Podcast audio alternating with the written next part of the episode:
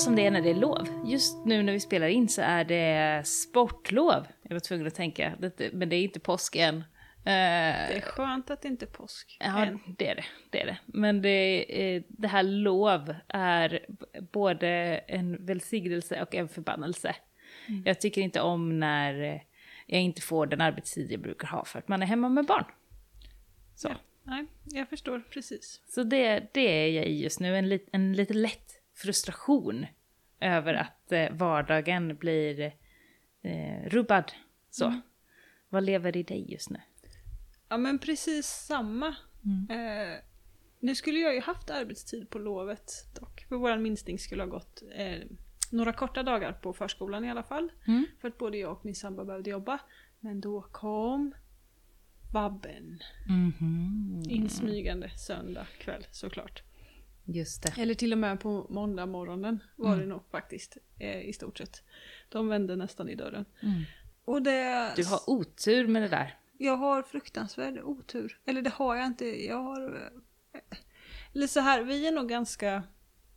Det är bra att inte barnen, att du inte slänger iväg barnen på förskolan när de är sjuka. Det är ja, viktigt. Vi är väldigt noga med det. Mm. Eh, och vi har ju förstått, eftersom vi har eh, vänner och sådär som jobbar inom förskolans värld, att många låter sina barn gå vid tillfällen när vi låter våra stanna hemma. Just det. Så. Det är ju inte självförvållat för att de mår ju inte 100% liksom. Mm. Det är därför de får vara hemma. Eh, men eh, ja, jag vet inte. Det är liksom eh, Det blir väldigt mycket vabbande. och det blir ganska påfrestande. Mm. Eh, faktiskt. Framförallt på dig för att du tar mycket av vabben Jag, också. Ja, jag tar mycket av vabben för att jag delvis ändå kan, jag kan jobba lite hemifrån. Eller jag jobbar ju alltid hemifrån. Mm. När barnen är ändå sjuka och vill titta på en film eller på någon jävla skitserie, sånt där som jag inte uppskattar överhuvudtaget, men som de älskar. eh, Så kan jag lika gärna sitta vid bordet bredvid med och jobba liksom. Då kan du vobba lite. Ja, lite grann brukar funka, några, så, inte allt för viktiga grejer och sådär. Mm. Och sen är det ju en ekonomisk fråga. Mm. Ehm, på gott och ont Mm. också.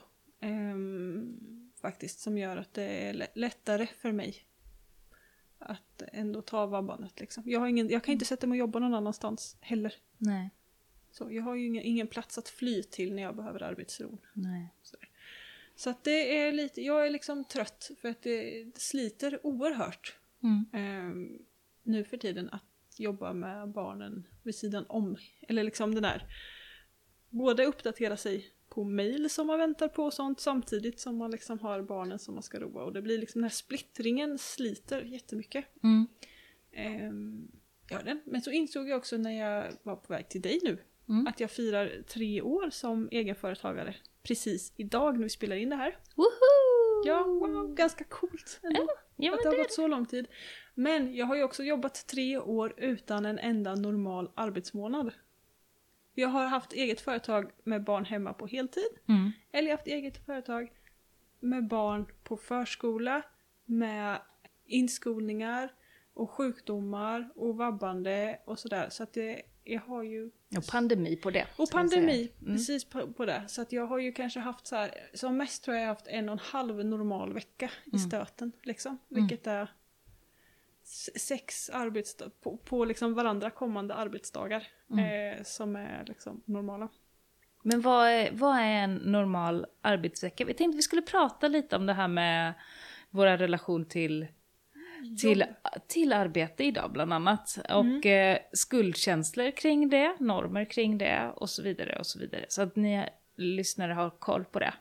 Vad är en normal arbetsvecka då? Jag, när du säger så här, men jag har inte haft en normal arbetsvecka på tre år, så tänker jag att, ja men okej, jag har, när, eftersom att du nämnde det där att du har haft företag i tre år, så tänker jag att, ja men jag har haft företag då i 13 år nu.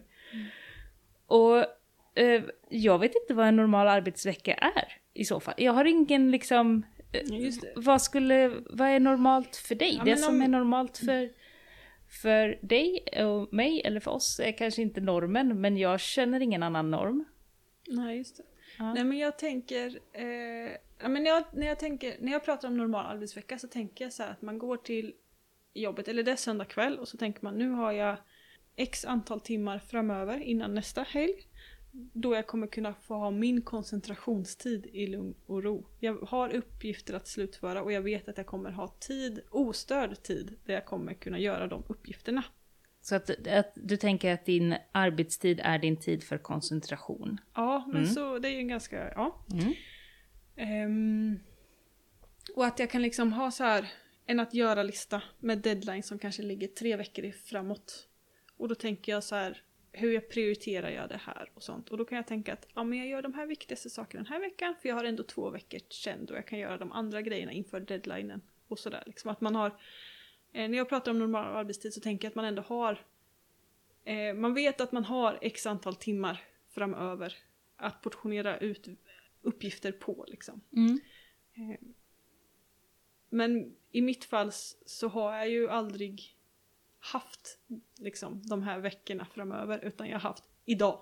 För Mm. imorgon kanske jag inte har någon tid alls för att då tar jag bara hand om sjuka barn Just det. Mm. hela tiden. Eller jag kanske ha, har två dagar men jag vet aldrig om jag ens kommer kunna ha hela veckan eh, liksom till att göra det som jag behöver göra. Som Mm. att eh, ja, men det är mycket kursplanerande, förberedelse för kursarbeten, Mm. eh, en hel del marknadsförande. Eh, jag menar, att grunna på idéer, att sjösätta idéer, att så här, skicka liksom, lite mejl och, och kolla Mm. läget. Skulle det här vara något man kan göra? Kan, går det att få in någon form av ekonomi i en sån här grej? Och liksom sådana saker. Plus eh, odlingsplanerandet. Eh, en liten del av min odling ligger också i företaget. Inte allt, inte Mm. det som vi äter själva. Eh, men fröodlingen ligger i företaget. Så det är planerandet av det, det är odlandet av den biten och det är tröskandet och rensandet och liksom Mm. allt som hör till det. Ja men det, det är en planering och det är en framförhållning och det är en ostördhet. Det är det som jag hör när Mm. du liksom ser vad det är som är en normal arbetsvecka. Mm, Och, ja, precis, att man vet att man har typ 7-14 mm, de här dagarna framöver så kommer jag kunna få göra det jag behöver göra för att dra in ekonomi till familjen. Så det är också bestämda tider måndag till fredag. Ja, ja I- när, när resten av familjen inte är där, Mm. tänker jag som en, en normal arbetstid. Att man ändå har, för jag har i alla fall försökt hålla det så att jag har arbetstid och jag har familjetid. Just det. För jag kan inte alltid jobba med ena halva huvudet, liksom fokus på barn och mellistider och, Mm. och liksom hela den där biten. När jag jobbar då måste jag få jobba. Mm. Så, ostörd. Mm. Jag har så himla lätt att få min koncentration liksom bortplirad med något annat. Mm. Det kräv, krävs inte mycket. Nej. Nej men så är det ju. Mm. Mm. När jag tänker på det så tänker jag att det är en sån... Det skulle vara en lyx att ha det så. Även om mina barn är lite större och även innan jag fick barn eh, men hade eget företag så kunde inte jag räkna på att jag har x antal timmar, vi säger 40 timmar i veckan för det är någon slags norm fortfarande i samhället, då jag ska vara på topp och göra mitt jobb under de här timmarna och resten är det fritt. Jag kan, har aldrig kunnat tänka på det så. Men jag är också uppväxt med att man inte jobbar så. Utan man jobbar jämt på något sätt. Men, men det handlar mycket med mitt eget mående att göra också. Eftersom att jag själv går så mycket upp och ner i, i energi och kraft. Och vissa dagar kan jag leverera 300%. Andra dagar är det minus 50. Liksom. Då får man liksom bara passa på. Antingen för att helt plötsligt är barnen friska och man har energi. Eller för att man eh, eh, så får man bara lägga ner. Antingen det är för att man vabbar eller för att man själv mår skit. Eller det kommer omständigheter. Alltid de här omständigheterna, vad det nu än är. Men jag tänker att de finns i alla delar av livet. Mm. Att det kanske är en utopi att drömma om den här fina uppdelningen när man är själv på sitt jobb. För det är också så att ja, men om inte jag gör mitt jobb, om inte jag kan nå mina deadlines, ja, men då får inte jag betalt. Hepp. Det är liksom så, alltså det är ingen annan som kommer in och gör det där jobbet, det, det ligger kvar så. Det är ingen annan som tar uppdragen. Eh, men det så. är det som jag tycker blir så himla svårt med att vara egen också. Mm. Eh, just för att det inte kommer in någon annan och stöttar upp. Jag menar, Mm. är min gubbe hemma från sitt jobb för vabba eller för att han är sjuk så Mm. finns det någon annan som inte kan göra exakt hela hans jobb men de kan göra det viktigaste, det som brinner i knutarna. Mm. det som liksom, är det deadlines och sånt som ska levereras, då ser de ju till att det fixas. Mm. Eh, Men vilket, här är man alltid själv liksom. ja, men det gör ju också att man blir mer sårbar Mm. eh, för saker och ting. Eh, omständigheter på ett sätt och vis samtidigt som man kan bestämma mycket själv också på Mm. ett sätt och vis. Men sen är det också, jag tror att jag försöker dela upp det liksom för att kunna koppla bort för annars så skulle jag ju kunna jobba typ dygnet runt Mm. jämt. Mm. Liksom. Och, och då blir det så här viktigt att ha att nu lägger jag ifrån mig jobbet, nu ska inte jag tänka på det mer. För nu ska jag vara närvarande, annars är jag alltid splittrad. Mm. Och det funkar inte. Så Mm. då är det viktigt med en sån uppdelning. Men sen är det ju ändå så här, ja men om jag vattnar så har jag liksom inte så här, nu är klockan sju, nu vattnar jag eh, fröodlingen här Mm. och sen bara nej men nu är klockan visst tio i sju, nej men då kan jag inte vattna fröodlingen liksom, Mm, utan då får jag göra något här. Det är ju inte så benhårt heller. Eh, men, men att ändå på något sätt är ganska viktigt att dela upp det.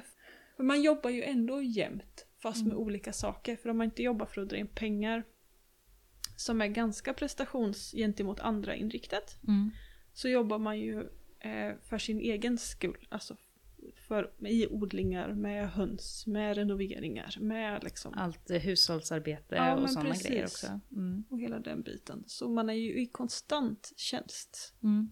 Fast det blir viktigt för mig i alla fall att skilja på när jag behöver liksom vara anträffbar utifrån Mm. och prestera gentemot någon och när jag bara gör det liksom i min egen bubbla utan att behöva eh, nås eller bli nådd. Mm. Liksom annat än att folk kan ropa till mig. Just det. Så. Mm.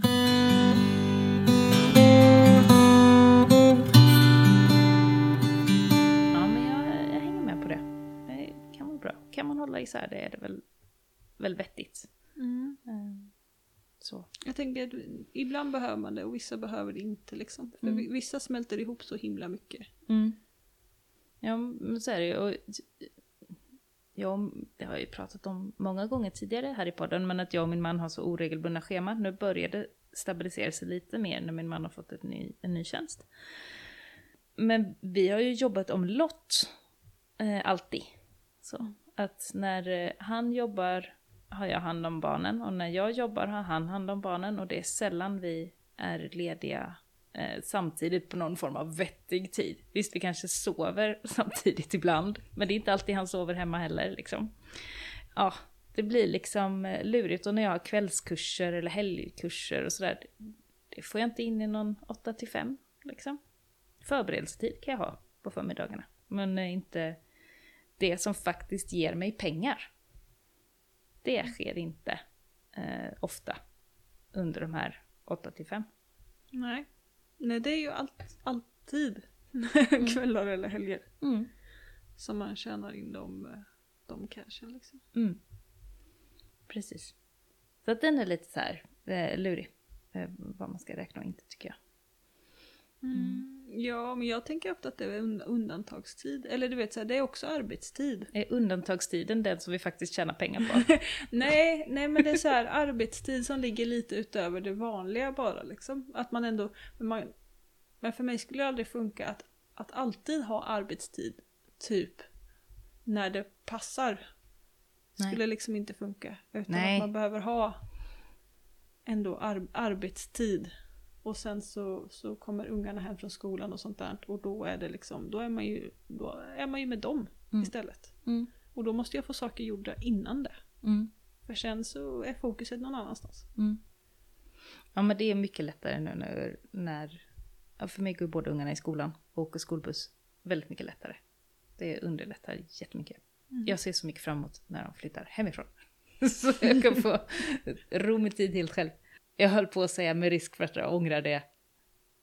Men jag tror inte att jag kommer ångra det. Vi får se. Ja, ja så kan det vara. Man är bra på olika saker. ja men precis. Mm. Vi får se hur det blir i framtiden med Mm. de grejerna. Och hur mycket tid man verkligen har. Jag är inte helt säker på att man alltid har mindre tid bara för att ungarna blir större. Jag tror pensionärer är de mest eh, upptagna som finns. det verkar så Mm. på dem. Ja men det tror jag har att göra med att orken sjunker också. Ja, så kan det vara. Att man liksom inte, saker tar längre tid och då kan man inte göra lika mycket liksom. Mm. Mm. Men jag började fundera på det här med, med arbetstid och sånt efter våran eh, kursträff. Vi har ju haft en första kursträff med våran eh, kurs grönsaksodling för nybörjare på Sommenbygdens folkhögskola. Och vi fick en del frågor om det här med arbetstid och jag vet inte om jag tolkade in för mycket i frågorna men det, det, det kändes som att vi var någon slags privilegierad elit på något sätt. Ja men så. På sätt och vis. Eh, och det kände jag mig inte riktigt bekväm i att vara. Alltså jag, man, man vill inte vara den. Men ja, just eftersom att vi båda lever med män som vill jobba heltid. Jag ska inte säga att det är en förutsättning att vi kan göra det vi vill, men det är klart att det underlättar. Det underlättar jättemycket. Mm. Eller så här, nu jag, min gubbe skulle nog gärna jobba deltid och han har ju också ett jobb där han tjänar in väldigt mycket eh, så här, övertidstimmar där de liksom flexar mm. timme mot timme. Okay. Vilket gör att han i perioder jobbar skitmycket mm. och i andra perioder ganska lite. Mm. Liksom. Eh, men att han känner att han kan gå till det jobbet fem dagar i veckan underlättar ju jättemycket. Mm. För att det är ju en del, han drar väl in två tredjedelar ungefär av familjens inkomst i alla fall, lite drygt till och med. Mm. Det beror på hur man räknar där också. Mm. På pappret så drar han ju in um, två tredjedelar, lite drygt, av liksom pengarna som strömmar in. Mm.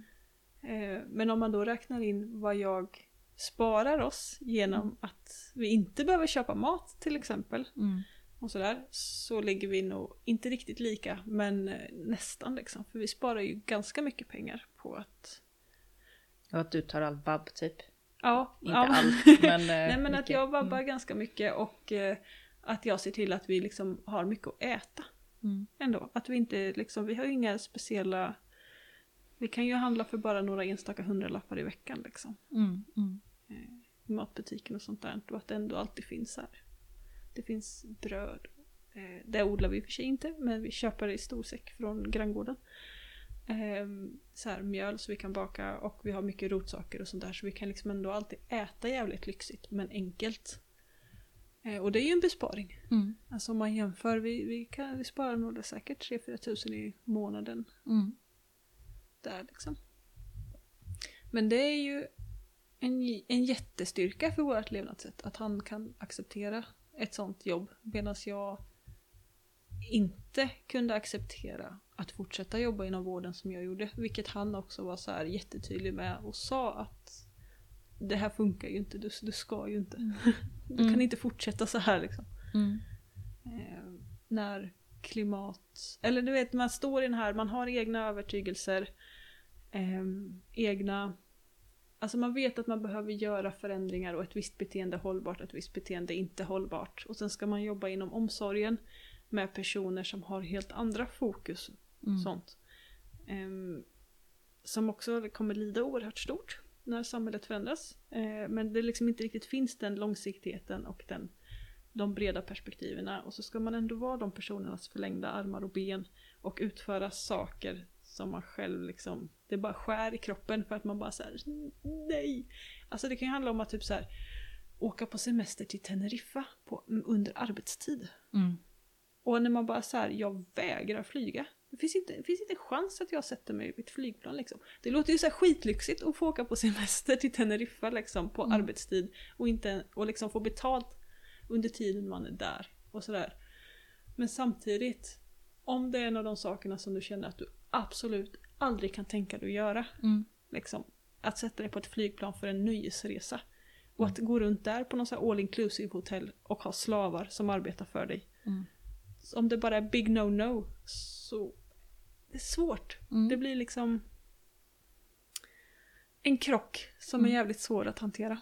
Mm. Och jag tänker att många människor nog bara liksom blundar och genomlider sådana saker. Eller du vet så här, Mm. Argumenterar mot sig själva kanske. För att jobba med sådana saker varje dag. Mm. Inom olika branscher. Jag tänker folk inom klädindustrin, inom matindustrin. Alltså service överallt, hela tiden. Mm. Mm. Att det inte funkar liksom. Mm. Att man gör saker som man är övertygad om är jävligt fel men man gör det ändå för att det ingår i ens arbete. Mm. Nej, det skulle aldrig funka för mig heller. Jag har ju inte haft ett vanligt jobb, så jag vet inte riktigt. Eh, jag har bara haft kortare anställningar innan jag eh, startade eget.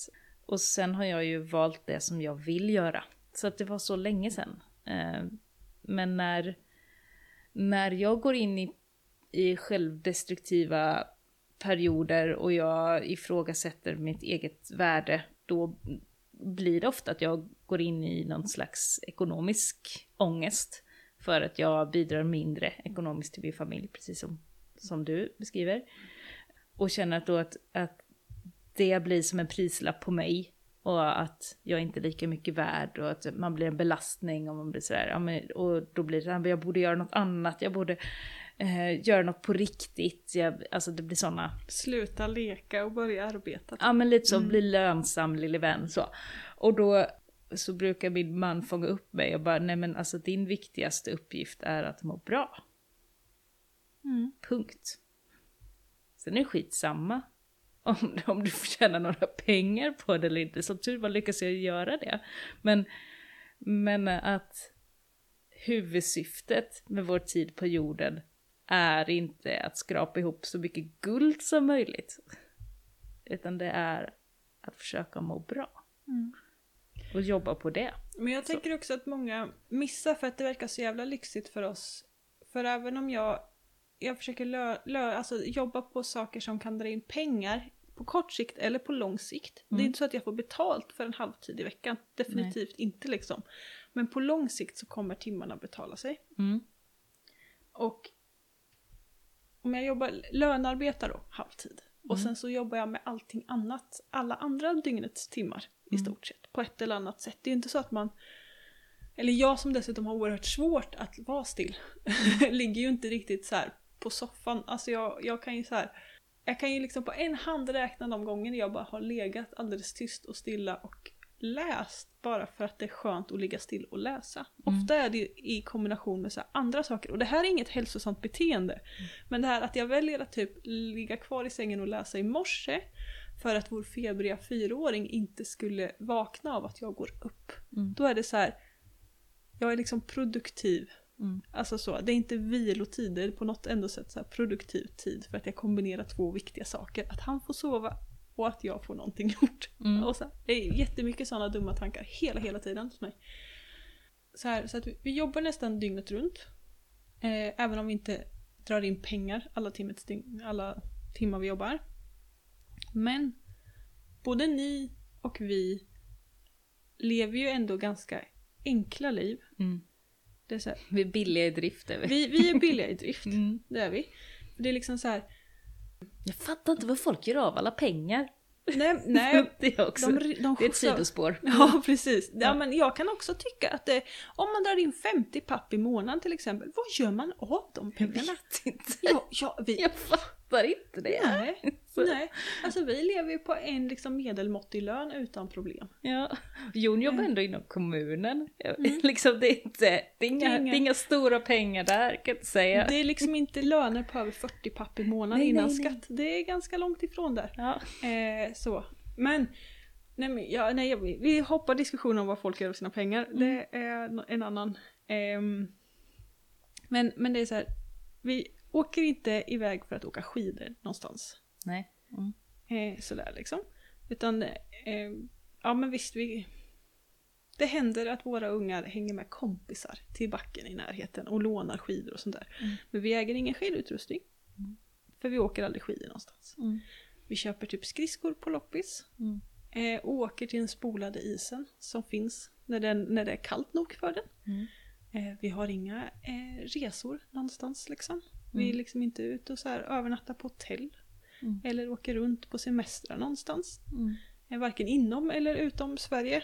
Ehm, ja men så här kortare resor kan ju vi göra. Men inga liksom långa resor. Vi bränner ju liksom inte så här 10 000 på en, på en semestervecka någonstans. Mm. Det, liksom, det ex existerar inte i vårt liv med vår ekonomi just nu i alla fall. Mm. Det kommer nog vi göra den här sommaren. Då kommer Mm. vi åka till Danmark. Mm. Kul! Ja. Ja. Ja, vi kommer ju bara renovera i sommar. Men, men vi tänker ju... Men vi kanske hamnar på typ 10 000. Ja, Alltså inte mycket mer än så. Jag Nej. vet inte hur mycket eh, tågpriserna kommer gå upp till dess. Vi får se. Ja men det är lite så, och då är det så här, ni gör det den här sommaren. Ja. Men ni kanske inte gjorde det förra sommaren. Nej. Eller sommaren innan det. Eller som, alltså du vet så här att man kan ändå, det är inte varje sommar som man lägger undan 10-15 tusen för att man ska vara ledig och hitta på grejer. Nej. Så tänker jag. Ehm. Ja men så här, vi äter inte speciellt eh, dyrt.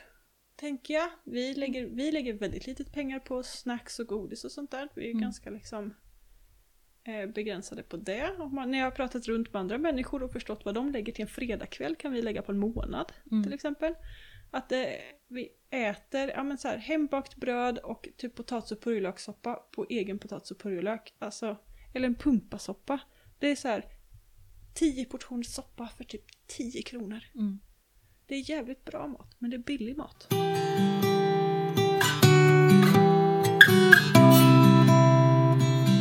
Jag tror att jag vardagslyxar lite mer kanske. Det gör jag du säkert. Lite mer godis, Men- lite mer chips, lite Ja. mer... eh, Ja men det tror jag runt. vi, Så kan det vi vara. lever nog liksom väldigt så här fattigt på sätt och Mm. vis fast ändå inte. Men samtidigt så är det så här, eh, vi äger förvisso två bilar varav en är avställd just nu för att vi inte har råd att laga den. Men vi klurar ihop det med en bil.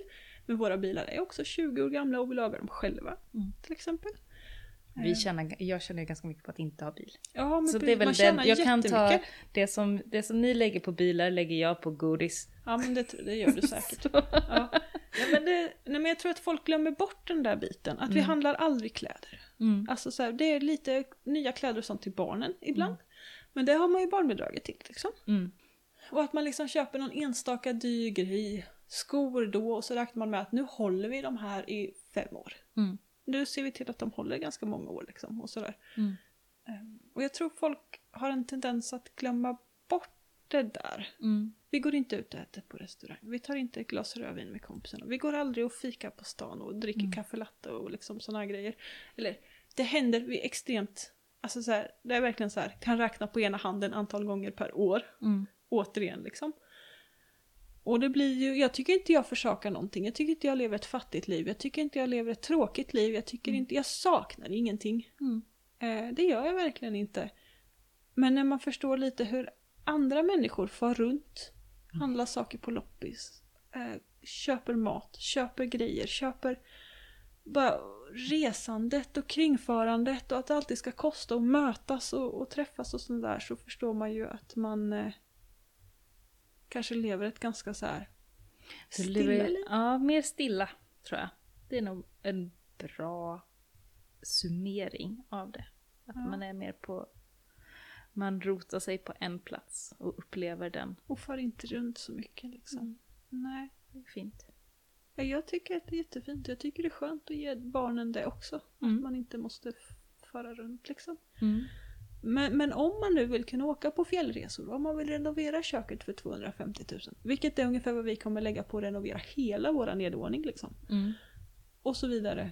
Och man ska liksom resa hit och resa dit och man ska ja, lyxa till det med grejer varenda fredag, lördag och det ena med det andra. Mm. Då går det ju inte att leva som vi gör. Jobba Nej. som vi jobbar. Då måste man ha mer cash. Ja, eller om Ja. man har barn som, som spelar hockey eller idrottar på något sätt eller har akti- aktiviteter eller... eh, Mina barn har mycket aktiviteter, ska jag säga. Men det, Dina barn har mycket, ja. men jag tänker att det inte är någon så här pryl eh, på det sättet. Nej, och vi hjälper ju också till i många av aktiviteterna. Så Mm. att vi, jag är ju natursnoksledare, så det är också en aktivitet som är gratis i och för sig att vara med i Natursnokarna här. Men eh, Jon och jag har varit ledare inom gymnastiken, så där går de ju gratis och sådär. Och det är ju ingen materialsport. Nej, man det är ser till typ ridning, ja, precis. hockey. Ja. Det finns ju vissa sådana sporter som verkligen är svindyra och så ska Mm. man sitta och skjutsa ungarna Mm. långt. Liksom Mm. ägna timmar i, varje vecka i bilen för att skjutsa ungarna till och från träningar och matcher och det ena med det andra. Liksom. Mm. Och det är ju svårt att få ihop Mm. med ett så här eh, billigt liv, Mm. eller vad man ska säga. Skjutsandet tar mycket tid ändå tycker jag. Ja. Det är bökigt. Mm, det är ett sidospår. Mm. ja.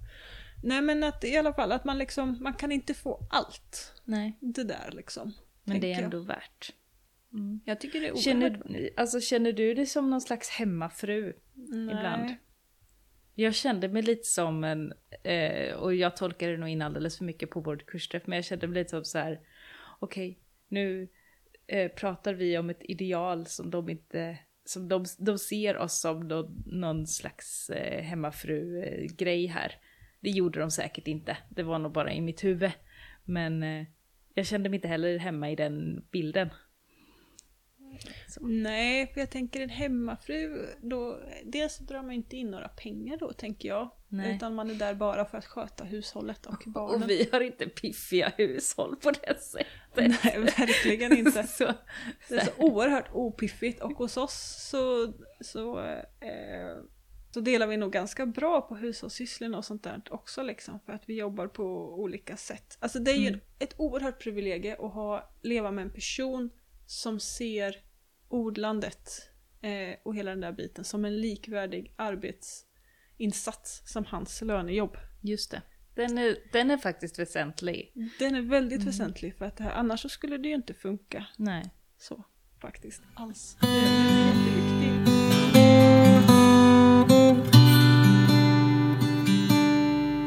pratar omställning och hållbarhet så tänker folk så jävla mycket på de här yttre praktiska grejerna. Mm. Att vi ska odla saker, vi ska sätta upp solpaneler, vi ska liksom eh, sluta använda resurser och vi bla bla bla bla bla. Mm. Måste skaffa höns och får och lära ja, mig men, slakta. Precis, och... karda ull och hela den där biten. Bygga jordkällare. Mm. Mm. Mycket, mycket sånt. Ja. Men man ser liksom inte den inre omställningen som vi behöver göra. Våra, alltså hur vi måste förändra vårt sätt att se på saker. Mm. Som Jon sa, att det, din viktigaste uppgift är att må bra. Mm. Inte att dra in ekonomiska medel. För att det är liksom steg 3, 5, 6, 8 kanske. Ja, och för är det liksom, står vi dessutom inför en så omvälvande samhällskris mm. så kommer inte liksom 300 000 på banken eh, göra någon större skillnad till eller från när hela världen kollapsar. Nej. Och ett hus för fem mille kommer definitivt inte göra någon större skillnad. Nej. Om det huset inte råkar vara en gård. Mm. där du har möjlighet att liksom arbeta. Mm. Eh, eller liksom få upp mat ur jorden och sådana saker. Mm. Utan det vi glömmer bort det är den inre omställningen. Mm. Som är så oerhört, oerhört viktig. Hur vi värderar saker är ju liksom något som vi måste ändra något enormt. Mm. Eh, jag vet inte om jag sa det i något annat poddavsnitt tidigare. Men under den här, eh, vi har haft digitala bokcirkelträffar kring boken Framtidens by. Ja men det har du nämnt tror jag. Mm. Mm. Och då var det en deltagare på någon av träffarna som i sin tur citerade någon annan eh, person, känd, jag vet, inte, jag vet inte vem hon citerade, jag kommer mm. inte ens ihåg det, speciellt nu. Eh, men som hade dratt som exempel att den inre omställningen som vi människor, speciellt vi i väst, mm. Den rika väst, eh, måste göra de närmaste så fort som möjligt åren kan vi mm. säga. Eh, den inre omställningen är lika omvälvande, lika stor som när människan lärde sig använda redskap. Mm. Men vi ska inte göra det under liksom 50 000 år, mm. utan vi ska göra det liksom helst på typ 24 timmar. Mm, just det. Jättefort, men att den kommer liksom vara lika omvälvande, lika förändrande. Jag tänker att folk som vars hus har brunnit ner och sådana grejer, som är med om stora kriser, då man ställs inför vad är det som är viktigt? Vad är det jag behöver, om, jag, om det är någonting jag kan rädda, vad är det jag vill rädda? Om man liksom, ja men jag försöker rädda eh, mina, mina barn, mina djur, fotoalbumen möjligtvis. Mm. Det är inte datorn och märkeskläderna liksom. Att det kanske är någon form av sån kris som, som kan få folk att vakna mm. fort. Mm. Sen glömmer de nog ganska fort också men... Jo. Ja, folk har ju en tendens till att glömma fort. Och det är ju lätt att slungas med i och tycka att annat är värdefullt än, mm. än, relationen och nuet. Speciellt när vi inte lär oss någonting om relationer. Mm. För det är ju inte där vi lär oss i skolan. Vi lär oss inte att samarbeta i grupp. Vi lär oss inget om gruppdynamik. Gruppdynamik. Vi lär oss inget om annat eh, än liksom den, den här eh, majoritetsdemokrati-grejen som vi har till exempel i valet och sådana saker. Att mm. Eh, de besluten som majoriteten går på, det kör vi på. Som elevråden. Ja men precis. Vi lär oss liksom inget om sociokrati till exempel, att diskutera oss fram till gemensamma lösningar, att, allas, att alla har liksom rätt att Att vara delaktiga i besluten tills alla känner sig nöjda över besluten och kan stå för besluten till exempel. Mm. Det är ju inget vi lär oss någonstans.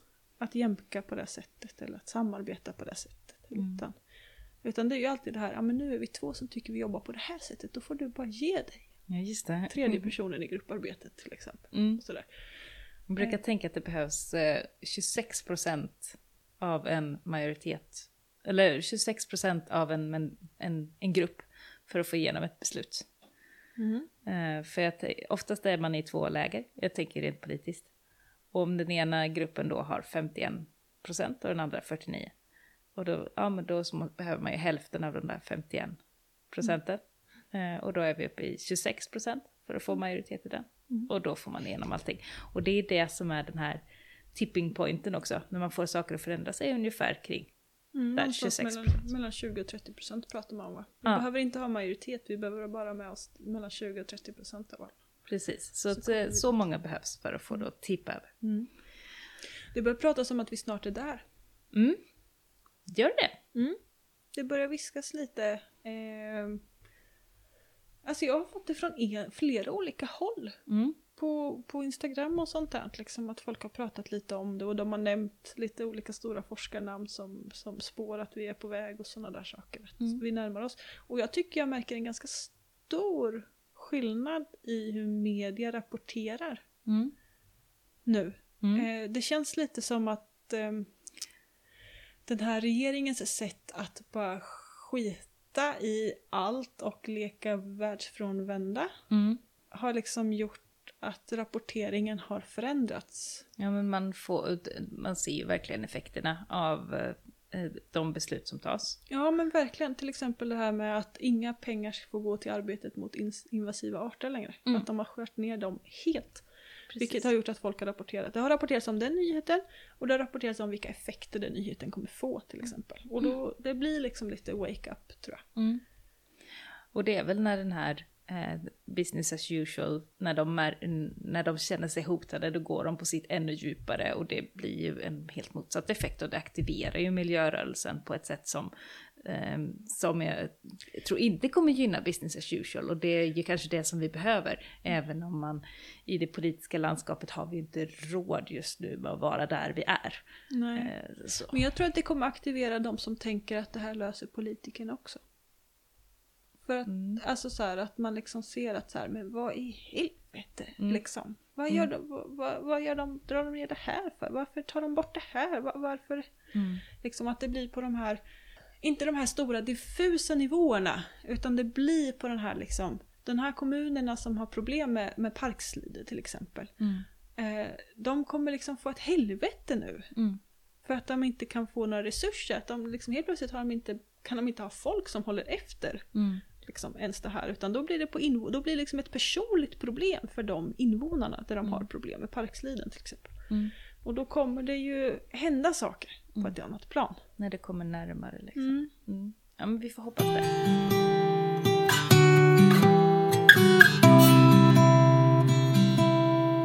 Vi gör så gott vi kan. Vi gör så har. gott, ja men vi gör så gott vi kan. Men Mm. upplever du några... För, förutom de gångerna då du gräver ner dig Mm. i ditt självhat och sådär och, och inte upp, liksom har, känner att du bidrar ekonomiskt och sånt där till familjen. Mm. Upplever du några andra skuldkänslor kring att leva som du gör? Eller känner du mer att det är ett sätt för dig att hålla ryggen fri? Att du liksom om 15 år ändå kommer kunna se barnen i ögonen och säga jag gjorde faktiskt vad jag kunde. Det är nog bara ekonomiskt som jag kan tycka att det är eh, stundom besvärligt. Mm. Eh, annars har jag inget, inga skuldkänslor om det. Jag känner att jag väljer att leva mitt liv på det sätt jag vill. Sen är det ju det där med mitt, min sviktande psykiska hälsa. Och jag gör det jag kan med den, men det är liksom, den kan jag ha dåligt samvete för. För den Eh. psykiska hälsan eller? Nej men för att att, jag är så, ja men jag skulle säga så stor del av mitt liv mår så pass dåligt eh, som jag gör. Och att jag mår dåligt över det också, det blir som Mm. meta liksom. Men att jag, jag missar barnens uppväxt på något sätt. Att jag, jag missar, jag missar det som är bra i livet. Jag missar livet på något sätt. Mm. Med när jag mår som sämst. Och det mår jag ännu mer dåligt av. Så. Mm. Men det har ju inte med mitt, eh, mitt arbete att göra. Eh, Men det, det kan jag tycka är, eh, den är, ständ, den är ständigt återkommande och jäkligt sur. Men jag, och jag gör det jag kan för att mota, mo, både mota de känslorna men framförallt lösa det problemet. Men det det är ju lite som att få någon att någon som har amputerat ett ben och säga att den ska skärpa sig. Det kommer liksom inte få ett ben att växa ut igen. så eh, det, det är liksom inte där det ligger. Men eftersom att det inte syns på utsidan och att det är någonting som sker i huvudet så är det ju inte... Eh, ja, men det blir svårare för, också för mig som lever i det att ha en förståelse för det och acceptera det för att jag vill inte acceptera det. Eh, Men jag kan heller inte bota det eller lösa det. Och det stör mig. Tror du att ett, ett, man säger ett normarbete hade hjälpt eller stjälpt? Det hade stjälpt. Mm. Det är jag ganska övertygad om. Jag tror att det är därför som jag har skapat det här livet för mig själv. Det är en sån här coping-strategi. Ja, Mm. ja men för att jag, jag vet att, jag, att många dagar funkar inte jag alls. Och skulle jag då känna mig tvingad att dra iväg på vad det nu är. Jobba inom förskola, eller jag vet inte. Jag, alltså jag, de, de, I de få perioder då jag har haft andra sådana fasta tjänster då jag ska jobba varje dag så har jag ju mått jätte, jätte, jättedåligt. För de dagar då jag i normala fall bara skulle gett upp kan jag inte ge upp. Eh, och det är inte så att jag då behöver någon som rycker upp mig ur sängen och får, liksom, får mig på andra tankar. Utan jag måste få vila. Eh, och när jag inte får vila då, så då funkar jag extremt dåligt. Mm. Eh, så. så jag hade nog bränt ut mig ganska fort eller gått in i väggen eller blivit en belastning till samhället i någon, någon sjukskrivning eller något, jag vet inte. Mm. Mm. Det är min teori om det hela. Utan Mm. att ens ha testat det på riktigt. Men jag känner inte att jag behöver det. jag trivs ganska bra med mitt jobb som det är Ja, nu. jag, jag vet att du sa till mig någon gång för ett par år sedan att du aldrig har gått minus. Att det alltid, Nej, men det ja, har jag det inte. har alltid gått ihop sig i alla fall. Ja men det gör jag. Ja, så, så det är ju lugnt. Eh, jag känner ingen eh, oro i det långa loppet så. Men jag tror att jag hade fått, eh, fått det knackigt om jag skulle behöva klara mig helt själv. Och jag skulle få svårt att eh, våga göra de investeringarna som jag ibland behöver göra för att komma vidare om jag hade varit helt själv. Och jag skulle behöva springa på många fler bollar och ta många fler uppdrag än vad jag behöver göra just nu om jag var själv. Jag skulle inte heller klara mig om jag blev själv. Nej. Alltså jag skulle nog klara liksom så här lånebetalningar och sånt för vi sitter ju inte på speciellt stora lån. Men däremot att hålla igång bil eh, och liksom allting runt omkring. Mm. Eh, vi skulle nog inte behöva flytta men vi kanske inte skulle ha råd, råd att försäkra oss riktigt så mycket som vi har nu. Och liksom, Mm. så. Det, det, skulle liksom, det skulle inte riktigt gå ihop sig, det skulle det inte göra. Eh, Men då har jag också varit företagare i liksom tre år och jag tänker mig att eh, tre år är ingenting när man håller på att bygga upp ett företag. Liksom. Nej. Så att eh, det löser sig i framtiden. Mm. Det får man ju på något sätt räkna med om man kastar sig ut. Att man kommer ju liksom inte dra in pengar de första åren. Ja, och de flesta som är egna har ju också någon respektive som inte är det. Eh, Så. I alla fall till en början. Sen kanske båda kan gå över till att göra det om det nu är en gemensam dröm. Det är ju inte alltid som det är heller. Och det är det väl inte... Eller jag vet inte hur det är för Oscar, men för Jon... Nej, han vill inte bli egen. Nej, och det vill han inte. Han vill bara känna att han har ett meningsfullt jobb och han jobbar ju med, med reningsverk och sånt där och det känner han ändå är ganska meningsfullt liksom. Mm. Att Ja, men det- rena vatten. ja, väldigt meningsfullt. Konkret och meningsfullt. Ja men faktiskt. Jon skulle nog vilja gå ner i tid, men eh, vi vill betala av alla lånen först och nu har vi skaffat oss nya lån. Vi hann ju betala av alla lånen, sen så köpte vi till hus. Så nu fick vi nya, så det, vi vill betala av dem först. Och sen kanske, men jag vet inte. Han har ju... Jag ska inte snacka skit om honom i podden. Nej. Det finns alltid möjligheter att gå ner lite i tid kanske. ja, ja. Mm. Mm. Och så frågan är om man väljer att ta dem eller inte. Ja men lite så. Mm. Ja. Nej men det är ju liksom, jag vet inte om vi ska övergå eh, och prata om pension. För det är ju Mm. något som nästan...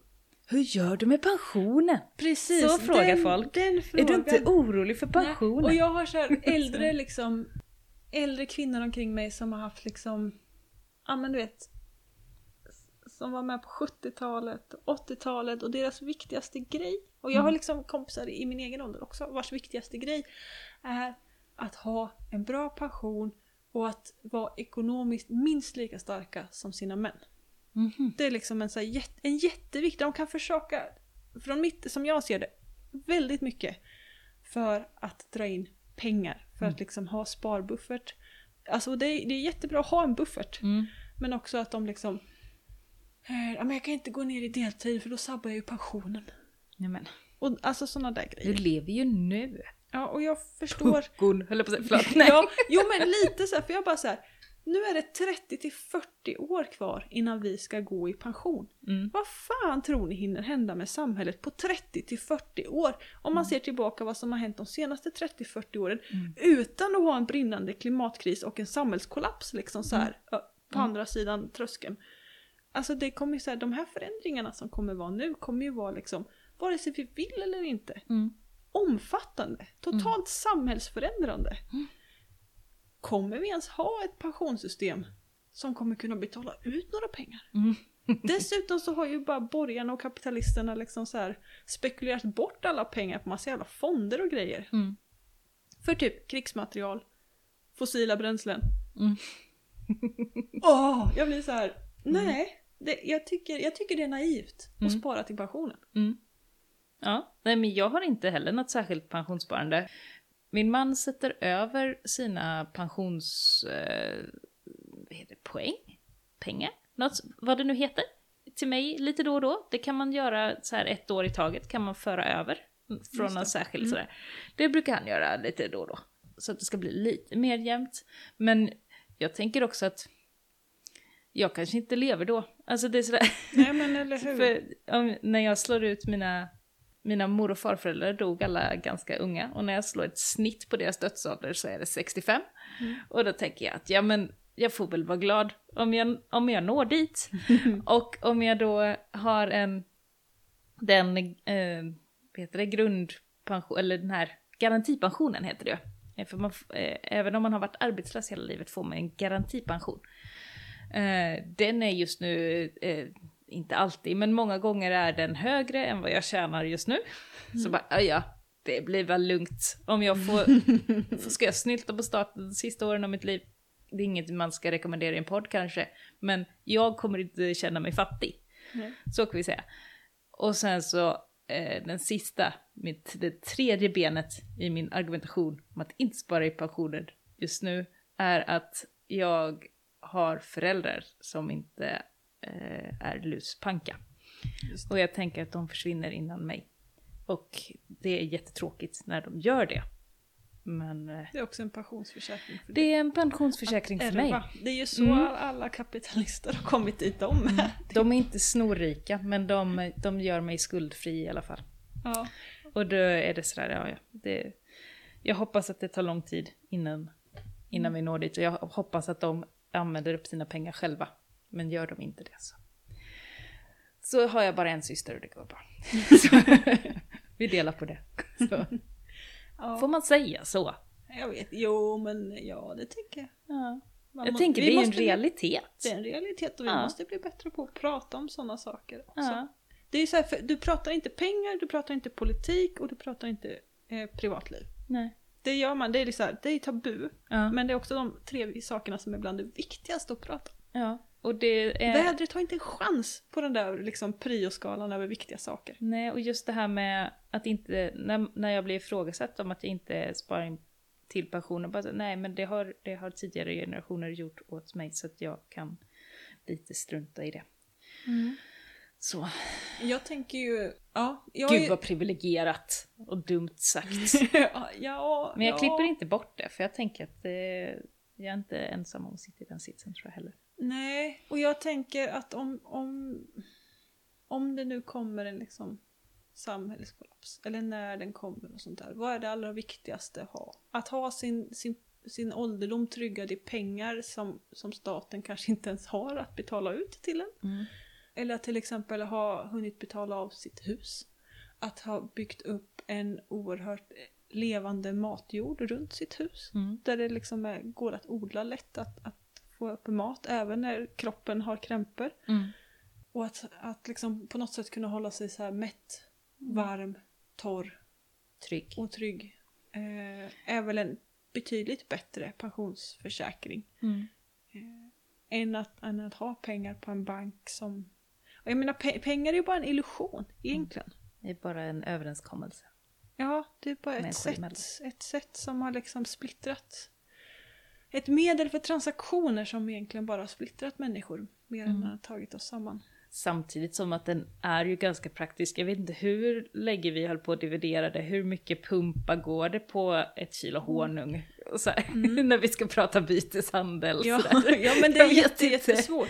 Och det, vi får Alltså, jag- inget rätt och fel där, jag tycker vi gjorde ett bra byte. Mm. Men, men just det där att det har en, eh, man kan ju förstå att vi hittade på det Mm. här med valuta, för att det är svårt Ja, att bara gå på byteshandel. Jag tror att det är en utopi. Eh, så. ja, det är jätte, jättesvårt att bara gå på byteshandel. Speciellt eftersom värdena går så himla mycket upp och ner beroende på hur mycket man har. Hade jag haft en pumpa så hade den varit värd jävligt mycket mer honung Just det. än, Ja. än vad jag fick. Mm. Eh, men nu hade jag ju liksom 60 pumper. Du behövde bli av med Jag pumpa, behöv- ja, då kunde jag utnyttja läget. Du kunde utnyttja det läget och du behövde också bli av med lite honung. Ja. Eller du hade ett överflöd Precis. av honung och jag Ja. hade ett överflöd av pumpa. Och då byter vi det. Det är jätte, jättesvårt att värdera saker hela Mm. tiden eftersom ett kilo torkade bönor kan vara liksom guld värt för någon som inte har så mycket annat att äta. Mm. Men för den som har ett ton Mm. eh, torkade bönor så är ett kilo inte värt speciellt mycket. Det Nej. gör varken till eller från.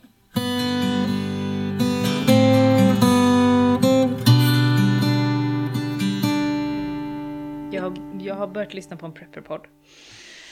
Den som du varnade mig för, jag har börjat lyssna på prepperpodden. Och i Ja, jag, den... jag, vet vad, om du skickar till mig och undrar så här, vilka gasmasker ska jag köpa? Nej, jag, Eh, det frågar jag Jon om i så ja, fall. gör det. För att jag kommer inte svara, jag kommer inte ta den diskussionen med Nej. dig. Nej, nej. Jag kommer, eh, jag, och jag tycker heller inte att den är superbra. Men i den, jag vill ändå referera till den i det här Mm. specifika fallet. För att i den så pratar de om att det är det mentala som är det viktigaste. Mm. För har vi inte det, är vi inte beredda på vad det nu är. Hur blir vi beredda då när folk inte vill veta? Ja men det är det som är så dumt. Folk är ju inte beredda. För de, den här diskussionen har jag Mm. också haft med folk ganska nyligen som är så här Ja men man kan inte komma med förbud och pekpinnar, det blir ju inte bra liksom. Mm. Och jag tänker så här, nej visst det har funkat jättebra att i 20, 30, 40, 50, 150 års tid komma med allt annat än pekpinnar och förmaningar och säga att alla gör ju vad som är bäst för dem och att nu har vi den här krisen på ingång men att nej men gör, gör det som känns bäst och som funkar i er familj. Ja, fast det Och- funkar ju uppenbarligen med pekpinnar. När staten har gått in och kört pekpinnar, typ förbud av freoner i kylskåp. Ja men nu är inte ozon, hålet i ozonlagret Typ ett förbud problem att längre. vistas utomhus utan munskydd. Ja, precis. Typ tvång att införa handsprit överallt. Det har ju gått jättebra Ja. ja men faktiskt. På, vi- bara, på bara typ två dagar dessutom. Mm. Från en stund till en annan. folk är anpassningsbara. Det är en av mänsklighetens stora styrkor, att vi är så pass anpassningsbara. Det är därför vi tagit över typ överallt. Ja, och nu måste vi Det är ju inte så att vi så lite godtyckligt kan bara säga Nej, men tycker du att det är jobbigt att inte behöva köpa jag vet inte, bananer. Så nej men då behöver inte du försaka det. Och man bara så här, fast Jo! det behöver du! Vi behöver göra en sån jävla omställning. Nu kanske inte bananerna åt så här jättebra liksom. Men så här, känner du att du inte kan Våga försöka vägra flyg liksom. Ja. Den kan vi ta. poolen, Mm. flyget, fjällresan. Alltså jag vet inte, jag vet inte ens vad folk liksom lägger sina pengar på. Men mycket Mm. liksom. Väldigt mycket. Och ja, det är så här. Jo, vi, må, vi, vi måste få bort jättemycket grejer. Mm. Vi, och vi måste ju prata, vi måste ju prata om allt som vi måste förlora för att liksom bearbeta sorgen över att vi kommer behöva förlora det. Mm. Så, det är klart det kommer bli en så här sorgeprocess och en slitningsprocess och det kommer vara så här... ehm, Åh, vad heter det? Separationsångest på Mm. hög nivå, på, en, på, på liksom en individuell nivå och på en familjär nivå och på en liksom lokal nivå och på en regional nivå och nationell och global och så här. Det kommer vara jättemycket sådana processer. Mm. Abstinensen. Att inte få klicka Abstinensen. hem saker. Ja, och det är klart vi måste prata om att så här, ja, den här gången också, men sen är det liksom slut. Det funkar inte. Du måste säga hej då till det. Precis som alla andra jävla missbrukare och sånt behöver säga hej då till saker. Mm. Att det inte är hållbart. Bara det att nu kör man inte bara sig själv in i döden på grund av dåligt beteende. Mm. Utan nu kör vi liksom hela mänskligheten och en jävla massa djurarter Mm. också in i döden på grund av att vi rika i väst vägrar sluta bete oss dåligt. Mm. Brandtal. Tack! ja, ja. Ja, vi måste, vi måste prata om hur vi kan leva på ett alternativt sätt och att vi inte liksom kommer dö av att förenkla saker. Om Mm. att göra livet lite besvärligare fast ändå mer närvarande. Mm. Ganska vackert skulle jag säga. Jag tror det kommer bli skitfint och Mm. bökigt. Mm. Men jag lever hellre ett slitsamt, lite slitsammare vardagsliv och får behålla våra sjukhus till exempel. Just det. Den är bra. Jag, jag prioriterar hellre liksom eh, mycket resurser till vården. Än ehm, att jag liksom har dimmerbelysning och eh, kaffemaskin med timer och Mm. ismaskin och sånt där i mitt kök till exempel. Mm. Ja, det vore galet. Ja. Eller hur? Det är jättegalet. Jag läste det i någon kommentar någonstans. Av folk så här, måndagshack. Det var så här typ att kunna styra kaffebryggan med wifi. Alltså, eller så app via telefonen. Mm. Så man typ kunde komma hem till en färdig kopp kaffe eller ligga i sängen och se till att kaffet var färdigt så man inte behövde lägga två minuter på att starta kaffebryggan. Alltså jag, jag min, min pappa är elektriker och Jon gillar teknik. Eh, Så att vi har ju sådana lysknappar som man styr via en app. De har knapp också, men ibland går batteriet i knappen slut så då kan vi bara styra dem med app. Tills vi har bytt batterierna i de där. Alltså lamporna i taket och så. Ja, Har ni inte liksom en kabel från taklampan ner till liksom inte, knappen? inte alltid, inte på alla ställen. För att eh, ja, men när vi bygger om, då drar man bort elen. Man kanske vill ha lampan på något annat ställe istället för, då för att dra nya sladdar överallt. Så kan man sätta sådana knappar. Och också eh, så kan vi ha till exempel en knapp inne för att släcka ute vid hönshuset eller tända vid hönshuset. Eller så, alltså sån här, så vi inte behöver dra kabel över. Så. Det, fin, det, finns, det finns, eh, finns grejer med det som Ja. är bra. Men jag eh, stör mig jättemycket på det. Jag tycker inte om att ha saker Det känns ju skitonödigt att ha Ja. en sak som drar batteri. Ja, så jag, jag gillar inte det alls. Men jag lever med en och en halv, om jag räknar med min pappa då, som tycker att det här är jättebra och det är de som sköter elen. Så, men det enda som jag tycker är väldigt smart med det, jag måste ge en sak som är bra med det ändå. Alltså För jag resten är på kast. det här med att kunna släcka utomhusbelysning och så utan Mm. att behöva dra eh, el ut. Precis, den, den är faktiskt bra. När man har varit hos hönsen så släcker man och så får man gå i mörkret hela vägen hem. Så den är dum. Mm. Så det kan vara liksom, då kan det vara ljust när man går och så släcker man där liksom långt borta när man är färdig. Ja, skitsamma, men det, det den andra saken som är bra. Om man har lagt sig i sängen och så ligger någon på en kanske, så här, något barn som precis har börjat somna och så kan man så här ta med telefonen och bara klicka av lampan nere i trappen. Så man inte be- eller i rummet bredvid. Den där som behöver- bara, liksom, barnet ville ha det tänt någonstans en bit Mm. bort så. Så jag behöver inte gå upp och släcka den. Jag kan bara släcka den med appen. Det är bra. Och Mm. samtidigt också tända då den Mm. på morgonen. Så, så att de kan vakna lite försiktigt utan att jag går upp. Mm. Den, är, den är bra. Men eh, resten dåligt. Så. Ja, Allting är inte så svart eller vitt med att ha då. så här, nej allting är verkligen inte svart och vitt. Mm. Eh, vi köpte till utebelysning eh, lampa med solcell och rörelsedetektor Mm, till just våra det. uthus. Det är också en ganska smidig lösning för då lyser det när man rör sig där och sen slocknar den. Det är bra. Det är bra. Vi har haft sådana som, har, som skrämmer mig ibland bara. Ja just det. När det, ja men precis helt plötsligt bara Tänds det. tänds det och man tänker Ja, vad var det? De är, Vem är lite, här? lite, de är inte så superpålitliga för Nej. att ibland så tänds de av att katten går förbi men de Precis. tänds inte när jag går förbi Mm. till exempel. Eh, och sådär. Att det gäller att röra sig liksom verkligen på rätt ställen typ eller något. Jag, Och man kan putsa upp dem ibland när det blir dammigt och sånt. Ja, Mm. precis. nej, nej, allting är inte svart eller vitt. Men vi måste försaka saker. Mm. Precis. Det är viktigt. Är vi nöjda för idag? Mm. Jag Mm. tror vi är det. Mm. En lite jobb, eh, jobbpodd. Jobbrant. Mm, det finns ju hur mycket som helst att säga om det här. Mm. Till och från liksom. Hoppas att det här gett er lyssnare någonting. Har ni några fler tankar om det här? kan ni behålla dem för er själva. Eller så, nej, ni kan eh, få jä- jättegärna skriva en kommentar om det på vårt Instagram. Det var så jag skulle säga. Ja, om det är något upplyftande som hjälper fler medmänniskor på den här jorden. Mm. Annars tar man mitt första råd. Ja, Ja, mm. precis. Kritisera inte Matildas livsstil. men det, behöver, det gör jag så bra själv. Ja, Ja. precis. precis. Mm. Ha det så fint. Hej då!